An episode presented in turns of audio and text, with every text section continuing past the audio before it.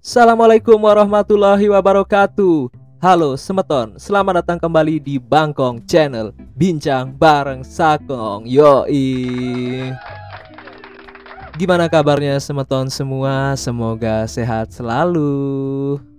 Oh ya, saya ingin mengucapkan terima kasih kepada semeton-semeton semua yang sudah mempromosikan channel podcast saya ini ke sosial media kalian saya sampai terharu nih padahal isinya cuma kenalan sih. Tapi kalian mempromosikan seakan-akan saya menyampaikan motivasi kayak Mbak Najwa Sihab gitu ya. Mungkin yang sudah nyoba dengerin langsung kayak Allah apa sih ini? Nyesel banget tak dengerin gitu ya. Tapi nggak apa-apa saya sangat mengapresiasi support kalian semua. Tepuk tangan dulu buat kalian semua. Oke, di episode kali ini saya mau membahas tentang perkembangan bajang lombok ya di pulauku tercinta ini sampai tahun 2020 ini gimana sih? Apakah semakin suram atau kok malah semakin maju gitu ya? Oh ya buat teman-teman yang belum tahu, jadi Bajang itu artinya pemuda. Nah, jadi maksudnya yang saya akan bahas adalah pemuda-pemuda Lombok. Nah, kenapa saya mau bahas ini? Karena menurut saya Lombok ini punya banyak potensi besar yang masih bisa digali, kemudian bisa diwujudkan untuk memajukan daerah kita tercinta ini. Dan itu tentunya bisa dari segala bidang sih. Mungkin kayak bisnis-bisnis tempat nongkrong, tempat wisata, tempat wudhu, tempat tidur, tempat buang air, tempat penitipan tas dan masih banyak lagi ya. Dan yang bisa mewujudkan semua potensi-potensi besar ini ya siapa lagi kalau bukan pemuda-pemuda atau bajang yang punya inovasi dan semangat yang kuat gitu. Keren gak tuh Sagong?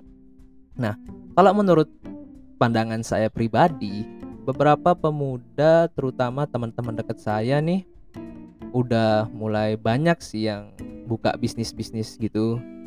Contohnya nih kayak ah, Kopi Living ini wih gila sih ini tempat.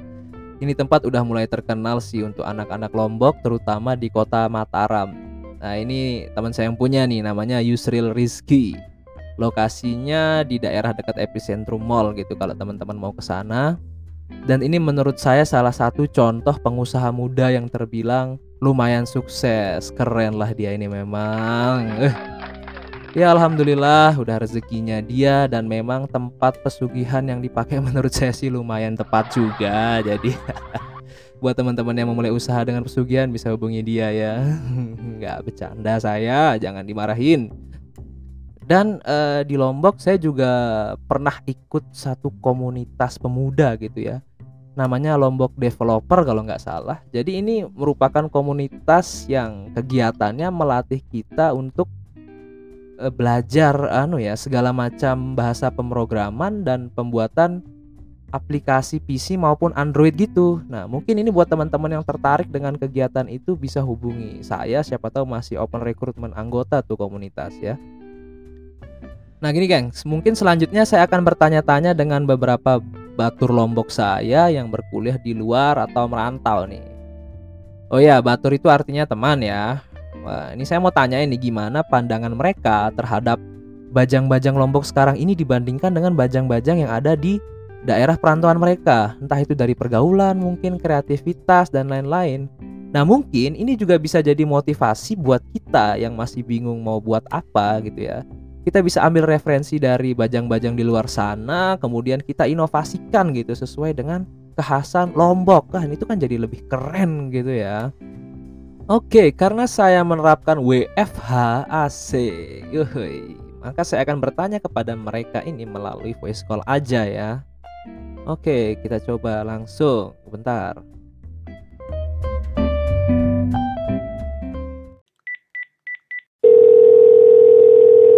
Oke, sekarang saya sudah bersama Dwiki.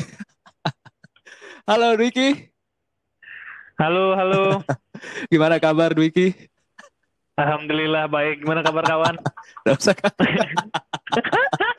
Oke, silakan Wiki kenalin dulu ke pendengar-pendengar setia saya nama Anda dan kuliah di mana dan jurusan apa. Sebenarnya nggak perlu dikenali lagi, yang tahu kamu pasti tahu saya masalahnya. ya udah deh. Perkenalkan diri, nama Dwiki, kuliah di Telkom Bandung. Sekarang jurusan. sudah semester 6 jurusan manajemen. Oke, udah semester 6 jadi Anda lebih Eh, tua oh, dari ya udah saya. masih mahasiswa tua ini. Oke, Dwiki, ini langsung aja saya mau menanyakan kamu eh, tentang bagaimana sih boleh, pandangan boleh. eh, kamu sebagai mahasiswa eh, di luar Lombok atau merantau eh, ini ketika akan membandingkan eh, pemuda-pemuda di Lombok ini dengan pemuda-pemuda yang ada di daerah perantauanmu itu gimana? Coba pendapatmu. Oh, boleh, boleh. Tapi harus disclaimer dulu nih ya, masalahnya kan apa ya, tergantung tongkrongannya lagi, balik-balik lagi kan. Karena emang Oke, balik lagi nih opini dari tongkronganku sih. ya. Nggak Ah. selalu tepat banget harus kayak gini sih, tipe-tipe Tidak orangnya gitu. digeneralisir gitu ya, cuma Nah, menurut pandanganmu aja, betul. Nah, yang paling beda sih menurutku adalah kegiatannya sih untuk yang umur-umur umur-umuran kita ya, kegiatannya umur-umuran kita, anak-anak di sini sama anak di kota besar sih yang itu yang paling kupatin sih. Oh ya, gimana tuh? Kalau di sana itu mereka rata-rata malu gitu kalau nggak berkegiatan selain kita hitunglah anak kuliah misalnya kita pikirin anak kuliah kita kotakin. Ya, Kalau anak-anak di sana itu malu kalau mereka nggak ada kegiatan lain selain kuliah sama nongkrong. Jadi mereka itu kayak pingin berlomba-lomba siapa paling sibuk gitu kalau di sana itu. Seneng sibuk mereka. Sibuk dalam artian dia menciptakan suatu hal apa gimana? Wik? Tergantung sih. Mereka sebenarnya banyak sih mencari kesibukannya. Mereka tuh ada yang kalau misalnya mahasiswa biasanya ikut organisasi. Nah mereka tuh doyan banget tuh namanya ikut organisasi. Hmm. Kalau nggak ikut organisasi, part time. Itu mereka doyan banget tuh part time. Apalagi di sana Bandung ya, banyak banget Ah. kafe gitu. Rata-rata butuh banget tuh mahasiswa-mahasiswi yang ya dilihat tampang-tampangnya boleh lah untuk jadi barista atau jadi pelayan di kafenya mereka gitu kan. Nah itu mereka bisa part time. Terus satu nda buka bisnis. Nah kalau di manajemen anak-anak manajemen sih kayak gitu sih rata-rata. Kegiatan mahasiswanya sih yang aku concern sih gitu sih. Eh di sana Yang memang anu ya banyak ini apa anak-anak muda yang sudah mulai membuka bisnis gitu ya untuk di Banyak kalangan-kalangan mahasiswa untuk tempat-tempat nongkrong. Nah itu bisa diceritakan gitu mereka. eh, Nah. contoh-contoh tempat bisnisnya siapa tahu di situ belum ada yang ada di situ belum ada di Lombok gitu dan bisa menjadi eh, motivasi buat teman-teman di Lombok. Contohnya apa? Sebenarnya sih, ah, sebenarnya sih rata-rata pasaran sih sebenarnya. Cuman lebih ke ide-ide di pembaharuannya aja mereka kayak rata-rata mereka nggak takut gitu kalau biasanya kan kalau di sini tuh kalau di Lombok ya aku pikir dari dari anak-anaknya itu adalah mikir susah untuk mencari resiko itu mereka takut kalau anak-anak Lombok tuh. Itu menurutmu begitu ya? Jadi Nah, kalau ah, menurutku sih kayak gitu. Kalau mereka kalau di sana ya udahlah eh, berhasil apa gagal tuh urusan nanti. Yang penting tak coba dulu gitu. Kalau mereka Aha. tuh di sana gitu. Nah, Oh. jadi karena emang mereka anaknya doyan nongkrong. Nah, jadinya mereka tuh sering bersosialisasi gitu kayak banyak-banyak dapat pemikiran atau brainstorming gitulah dari teman-teman mereka. Kayaknya kayaknya aku bisnisnya apa sih yang Hmm. bagus buat kira-kira bisa ngerangkul anak-anak yang lain gitu. Jadi Gitu sih seharusnya mereka. memang mereka nongkrongnya tapi sambil membicarakan akan membuat suatu hal semacam apa gitu ya. Jadi nggak cuma Nah, talk salah, shit aja gitu ya. itu makanya concernnya itu adalah isi dari obrolan tongkrongan. Nah, itu juga yang membedakan juga salah satunya. Oke, oke. Nah, Dan kalau kamu sendiri nih, Hmm. ada rencana nggak mau buat apa ke depannya di Lombok gitu ya? Untuk mungkin ke suatu bisnis yang mungkin menguntungkan dirimu juga, tapi mungkin kamu juga punya tujuan sosial di sana untuk teman-teman dan masyarakat-masyarakat sekitar Lombok mungkin. nah kalau mikirin, nah sebenarnya sih belum spesifik banget sih pingin buat apa lagi di Lombok. Cuman ada cita-cita yang kayaknya pingin tak buat, tapi masih masih tak pikirin gitu apa step by stepnya untuk ngewujudinnya itu kayak gimana aja sih ya masih tak brainstormingin gitu. Nah jadinya tuh pingin banget karena emang jadi sebenarnya ada ya ada salah satu orang yang tak ambil jadi contoh gitu dia buat kebun gitu jadinya di kota Jakarta. Nah Hah? itu pingin banget tak buat di Lombok. Nah jadinya kebun ini eh, membuat eh, supaya kita bisa kerjasama gitu dengan beberapa instansi pendidikan atau berapa apa pun lah instansi lembaga yang ingin bekerja sama dengan kami supaya sharing gitu tentang ilmu berkebun. Jadi mempererat hubungan manusia dengan nature lagi sih. Aku pinginnya kayak gitu.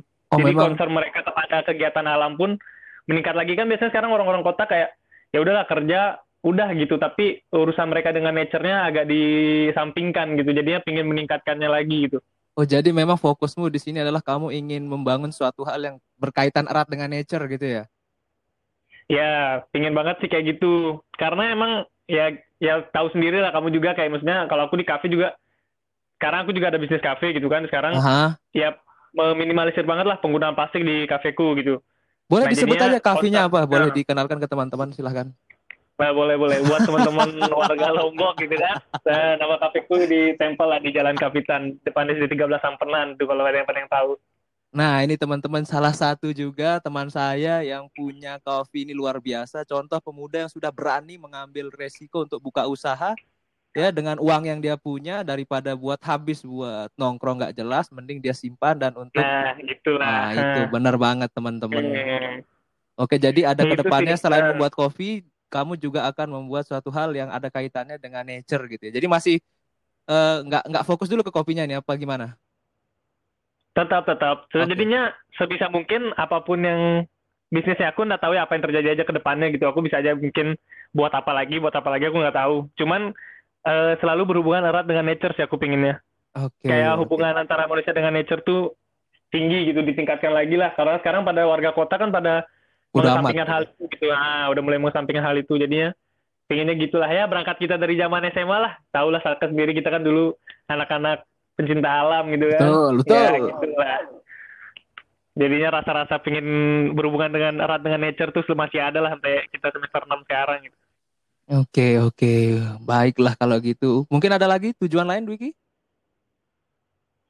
Ya, paling sih ya ini sih paling untuk teman-teman di Lombok sih untuk ya saran gitu untuk buat teman-teman di Lombok gitu. Ya jangan takut lah untuk ngambil resiko atau apa pun. Misalnya kalau punya keinginan mau buat something atau apa ya jangan sebenarnya bisnis yang baik adalah bisnis yang dikerjakan bukan yang banyak dipikirkan kan kalau Betul dipikirkan terus banget. kebanyakan gak jalan-jalan nanti kan gitu. Iya. Nah, lebih Iya, baik iya. langsung aja digas gitu. Asalkan sudah merasa sudah cukup secara SDM atau apa, ya langsung aja disikat lah gitu kan. Bener banget, bener banget, Dwiki. Betul, betul. Oke, kayaknya ini aja yang saya mau tanyain dari Anda. Terima kasih atas waktunya. Oke, Eh, sama-sama Selamat juga, melanjutkan Mas Ata. aktivitas Dwiki ya. Thank you, thank you. Oke, assalamualaikum. Waalaikumsalam warahmatullahi wabarakatuh. Oke, selanjutnya kita menghubungi eh, Halo, selamat Halo Wel, malam. gimana kabar? Alhamdulillah sehat di malam takbiran ini. Oh Sehat iya. banget. Alhamdulillah. Jadi kita jadi saya menelpon Mawel ini di malam takbiran, oke? Pas Oke, banget di sini jam satu malam. Boleh kenalan dulu sama pemirsa-pemirsa saya yang setia? Oh, tadi udah ngomong sama yang lain gitu. Iya dong, kan banyak juga. Saya nungguin dari tadi di telepon, telepon tidak ada. Ini mana? Sebenarnya oh, ternyata ini take kedua, saya tadi kehapus. ini gimmick, Mikong gimmick. Itulah. Eh, apa aja nih yang dikenalkan? Nama, kuliah di mana, jurusan apa? Oke. Eh, Assalamualaikum eh, pendengar podcast Bangkong. Selamat malam, selamat ya salam sejahtera. Nama saya Rizky Aditya Masni, biasa dipanggil Masni. Nah, saya be- berkuliah di Telkom University Bandung, jurusan MBTI. Bagi yang belum tahu, MBTI itu apa? MBTI itu eh, Manajemen Bisnis Telekomunikasi Informatika angkatan 2017. Nah, Jadi sekarang kenapa semester dipanggil 6 ya? Ya, masuk semester 7. Sudah dewasa. Oke. Udah senior. Mawel, saya mau langsung aja bercekcok dengan Anda masalah ini. Saya mau tanya, pertama, bagaimana pandangan Anda ya sebagai mahasiswa rantau terhadap eh, bajang-bajang atau pemuda-pemuda Lombok ya yang sekarang ini dibandingkan dengan pemuda-pemuda di daerah perantauan Anda? Eh, berarti kita ngomong eh, Lombok versus Bandung ya, secara spesifik ya. Iya, tapi tidak digeneralisir ya. Ini menurut pandangan. Iya, ini Mawel aja. pandangan pribadi. Oh iya, benar. Main-main di lingkungannya doang kan. Beda apa? Nggak semuanya, tapi beberapa lingkungan yang pernah aku masuk lah. Iya. Eh, apa ya? Kalau mungkin bedanya dari apa dulu nih? Beda dari segi sosialnya kah atau apanya kah? Boleh dari sisi pergaulan, boleh dari sisi eh, kreativitas anak-anak Bandung dibandingkan dengan anak-anak Lombok juga boleh, Oh. silahkan. Oke, oke. Eh paling kalau dari segi sosial ya, sebenarnya cara bersosialnya sama. Cuman eh gimana ya kayak behaviornya aja gitu loh beda kok kayak kebiasaannya. Kebiasaan. Bedanya itu bedanya kan kalau kita ngomong sosial berarti anak muda nongkrong lah ya. Ya, Nah, paling kalau nongkrong anak-anak muda di sini tuh kayak eh setauku ya, setauku eh, di Lombok ini misalkan ada tempat yang rame banget nih. Nah, tempat itu eh, misalkan anggap anggaplah Temple Coffee gitu ya. mm-mm. Punya eh, anggaplah Temple Coffee atau Coffee Living misalkan. Nah, eh, di sini itu di saat ada sesuatu yang baru dan hits quote apa tanda petik hits lah ya. Nah, itu tuh dicari banget tuh sama anak-anak anak-anak Lombok tuh. pasti langsung diburu ke sana ya. Eh, kayak kemarin buka epicentrum padahal parkirannya masih apa masih debu gitu kan udah pada datang tokonya belum buka baru buka time zone doang udah pada datang Yang penting gitu. snapgram, betul? yang penting snapgram ya panjat itu yang paling penting aku beli eh, aku main di time zone aku masuk epic aku masuk transmart gitu kan aku nongkrong di sini gitu panjat sosial. Tapi nah itu itu terserah lah Iya. ya. Terserah lah. Maksudnya ya bedanya adalah ya kalau di sini istilahnya di mana rame itu dicari kong. Kalau di Lombok ya setahu Iya. maksudnya ini hits nih. Ayo dong kita ke sana rame-rame. Hits Benar, pada sana benar, semuanya. Nah, tapi kalau di lingkunganku eh, pribadi kalau di Bandung ya kayak eh, justru tempat sepi kalau bisa dihindari ya dihindari gitu Didatangi tempat sepi maksud Anda. Iya, justru yang kalau ada tempat rame malah kayak dihindari gitu, Ah, oke. dihindari. Jadi di sini rame nih, ah nggak mau ah rame mending cari yang sepi aja karena eh, terus terang kayak eh, orang sana lebih suka private gitu loh kayak nggak mau rame-rame banget karena ya lebih suka eh, engage apa ya kayak ngobrolnya dapet lah istilahnya.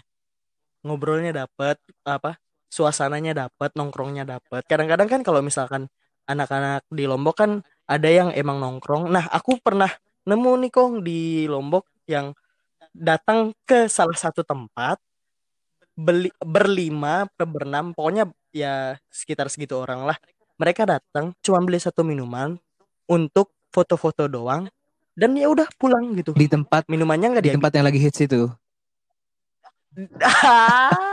di tempatnya ya di tempatnya lagi hits lah di, tempat lagi hits nih cuma datang foto-foto doang kayak ya nggak salah cuman ya lucu aja gitu kong kayak lucu Iya, ini gitu. mungkin ini ya Daripada- perbedaan culture antara orang yang eh, ini kota yang ramai dengan kota yang masih terbilang sepi atau sunyi gitu ya.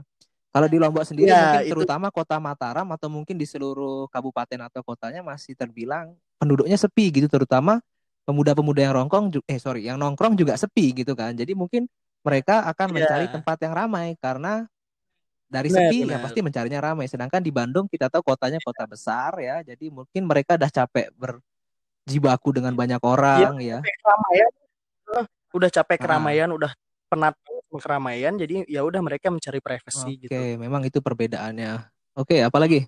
Mm. Kalau dari dari segi kreativitas sebenarnya sama aja sih Kong kayak eh, orang-orang di Bandung sama di Lombok ini kayak eh sebenarnya punya semua semua anak muda di Lombok ya di mana eh di Lombok maksudnya di Indonesia gitu mau di Lombok mau di Bandung di Jakarta terserah di mana pun berada mereka sebenarnya punya kreativitas yang sama cuman beda cara penyalurannya aja menurutku Penyaluran. Heeh. Ah, dan dan ya kita nggak bisa bohong juga kalau misalkan fasilitas atau apa ya dukungan juga dari pihak-pihak luar seperti pemerintah dan segala macam ya itu tuh men- eh, mendukung banget gitu kalau misalkan di Bandung gitu kan kayak di UMKM apa segala macam banyak banget programnya. Nah sedangkan anak muda di Lombok ini ada cuman masih sedikit dan masih banyak yang harus diperbaiki kalau dari segi kebijakan. Nah dari sisi anak mudanya sendiri bedanya cuman satu sebenarnya pembatasannya itu ada batasan bagi anak Lombok. Batasannya apa? Menurutku gengsi. Kenapa tuh gengsi? Nah, kenapa gengsi? Aku ngelihat eh, pemuda, anak muda bajang lah ya, bajang di Lombok misalnya anak Hmm. SMA atau anak kuliahnya itu jarang banget ada yang part time bekerja part time gitu Kong. Dia masih Jadi- menggunakan uang orang tua begitu? Untuk dia bergaya? Di satu sisi iya, iya, iya, benar. Nggak mungkin, nggak kalau misalkan nggak punya pekerjaan, uangnya nggak mungkin nggak dari orang tua Oke. dong. Iya kan? Kita mikirnya gitu. Nah, kadang-kadang mereka untuk mencari pekerjaan di di waktu SMA atau di kuliah, kadang-kadang mereka terlalu gengsi untuk itu karena istilahnya mereka nilai eh, kurang gaul lah istilahnya kalau misalkan kita sam apa dianggapnya anak yang apa ya istilahnya berkebutuhan ekonomi banget lah istilahnya sampai nggak bisa nggak bisa flexing istilahnya Ya, hidupnya. jadi mungkin dia Nah, ini ya, itu dia gengsi untuk membuka usaha yang lagi nggak gaul gitu kayak usaha-usaha kecil. Ah, Ah, benar benar benar benar. Eh, iya. Nah, sedangkan anak-anak Bandung menurutku dari SMA mereka sudah kayak kayak malah malu kalau misalkan mereka tidak melakukan sesuatu untuk diri mereka sendiri. Contoh, misalkan banyak banget sekarang anak kuliahan dan anak-anak muda SMA di Bandung yang memang ngambil part time untuk bekerja sampingan. Mereka eh, apa ya? eh, bikin produk sendiri, terus eh, jualan di Instagram dan segala Iya, macam, entah itu thrift shop, coffee shop, entah apa pun itu, mereka berani memulai. Sedangkan menurutku bajang-bajang Lombok masih sedikit yang masih berani untuk memulai gitu. Yes, yes, oke. Memang terlihat seperti juga. Ya walaupun memang beberapa Ya, it- teman kita kita juga udah tahu kan sudah berani buka usaha gitu. Tapi saya rasa juga itu Eh, masih kurang ya. Saya rasa masih banyak orang yang ini apa datang ke tempat-tempat ramai untuk menghabiskan uangnya seperti di tongkrongannya lebih sering ngobrolin yang ya nggak penting gitu ya. Maksudnya dia tidak ya di mana itu nggak iya salah nggak salah juga nggak salah. untuk Cuman hiburan gitu kan. Heeh, cuman sayang banget waktu yang memang nongkrong itu bakal banyak banget idenya gitu Mm-mm. Kong ya. Maksudnya banyak juga hanya jelas ngomongin orang. Ini nih si ini nih tahu nggak kemarin dia begini gini gini. Pasti kan gitu. Nggak mungkin men nongkrong itu nggak gibah, sumpah. Kecuali rapat Ya. ya. Rapat pun ada gibah kok. Iya betul. Jadi eh, di tongkrongan itu sumber gibah sebenarnya Kong. Tapi banyak banget juga idenya. Cuman sayang aja kalau misalkan eh, 24 per 7-nya itu dipakai cuman untuk nongkrong gak jelas Mm-mm. gitu. Gimana supaya nongkrong itu ya at least dari nongkrong kue nemu ide ya udah kue jalanin idenya buang gengsinya gitu loh kalau misalkan kue bisa berkolaborasi sama orang udah udah nggak zaman istilahnya kong di 2020 ini kita apa ya eh apa sih namanya bersaing nah sudah sudah udah zamannya kolaboratif nih sekarang nih apalagi sekarang di Lombok udah mau ada dua apa MotoGP terus Ah benar. eh, banyak banget wisata alam. Ini tuh sebenarnya lahan lahan duit banget buat anak-anak muda yang kreatif kong sebenarnya. Yes, saya setuju, Aku saya sih setuju, gitu. saya setuju. Oke, sekarang gini aja. Mungkin Anda punya rencana, kamu punya rencana yang ke depannya mungkin yang akan kamu lakukan, ya, mungkin seperti bisnis atau apa, ya mungkin yang untuk menguntungkan dirimu sendiri, tapi juga bisa menguntungkan untuk masyarakat Lombok secara luas. Apa ada apa enggak? Oh, kalau misalkan kita ngomong, aku pribadi ngomong ideku buat Lombok banyak banget, men. Banyak banget. Cuman ya ah, apa ya kayak kita terhalang regulasi lah. Banyak banget yang masih terhalang regulasi dari pihak berwenang ya kayak pemerintah dan kawan-kawan gitu. Cuman kalau misalkan aku nih istilahnya yang eh, mimpiku banget Hmm. lah ya. Eh, aku pengen eh, bikin creative center sih di Lombok. Kayak creative center tuh perlu banget gitu kayak misalkan aku punya lahan nih 600 kali Iya. 400 meter persegi misalkan. Nah, di situ tuh bakal aku jadiin creative center di mana eh, ada coffee shop, terus ada tobacco bar, ada vape store, terus istilahnya pusat UMKM anak Iya, iya. muda lah. Kalau misalkan anak muda eh, apa ya, pengen jualan gitu ya atau pengen berbisnis atau pengen se- melakukan sesuatu yang kreatif gitu yang bisa mendukung perekonomian lom, apa eh, wilayah sekitar Iya. Lombok gitu ya. Aku bakal membantu mereka lewat situ gitu loh. Pengennya jadi itu menjadi tempat bagi eh, di mana jadi batu loncatan pertama anak-anak muda Lombok untuk semakin berkembang di sebagai sekalian sendiri. wadah untuk mereka mengasah skill mereka mungkin ya supaya ada bekal untuk dia berhadapan di dunia kerjanya kelak begitu betul Benar, Oke. benar banget. Apalagi ya apa kalau misalkan pribadi aku terus terang ya secara pribadi sangat senang gitu loh, senang banget kayak menyediakan sesuatu Oke. buat teman-teman daerah sendiri gitu. Uh, di luar kita dapat duit, kita juga dapat teman, dapat pengalaman, dapat koneksi, dapat dapat membangun juga dan men anak muda tuh apa ya kalau misalkan kita dikasih uh, kebebasan dalam berkreativitas ya, men aku Lombok bakal dan uh, gengsinya dibuang lah istilahnya ya. Aku aku yakin Lombok bakal parah sih berkembangnya nggak akan kalah sama daerah-daerah Oke, yang Mawel, lain gitu. saya setuju dengan eh, pendapat Anda dan saya doakan karena itu rencana yang sangat bagus. Saya doakan insya Allah semoga tercapai. Oke, mungkin itu aja yang saya mau tanyain sama kamu. Tapi saya mau menanyakan satu kesimpulan sebelum saya tutup. Apakah pemuda Lombok masih suram? Sebenarnya sangat. Wah, Oke, terima kasih Mawel atas waktu Hebat. luangnya. Aduh, emang si Mawel itu tidak pernah mensupport anak-anak Lombok. Dia bisanya menghujat dan menggibah. Oke, itu tadi percakapan saya dengan dua batur saya yang membicarakan pandangan mereka tentang pemuda Lombok dan pemuda di rantauan mereka. Jadi ini part satunya dulu ya. Kita akan lanjutkan tanya-tanyanya ke beberapa batur saya yang lain di part 2. Oke, sehat selalu semeton. Sampai jumpa di episode berikutnya. Terima kasih.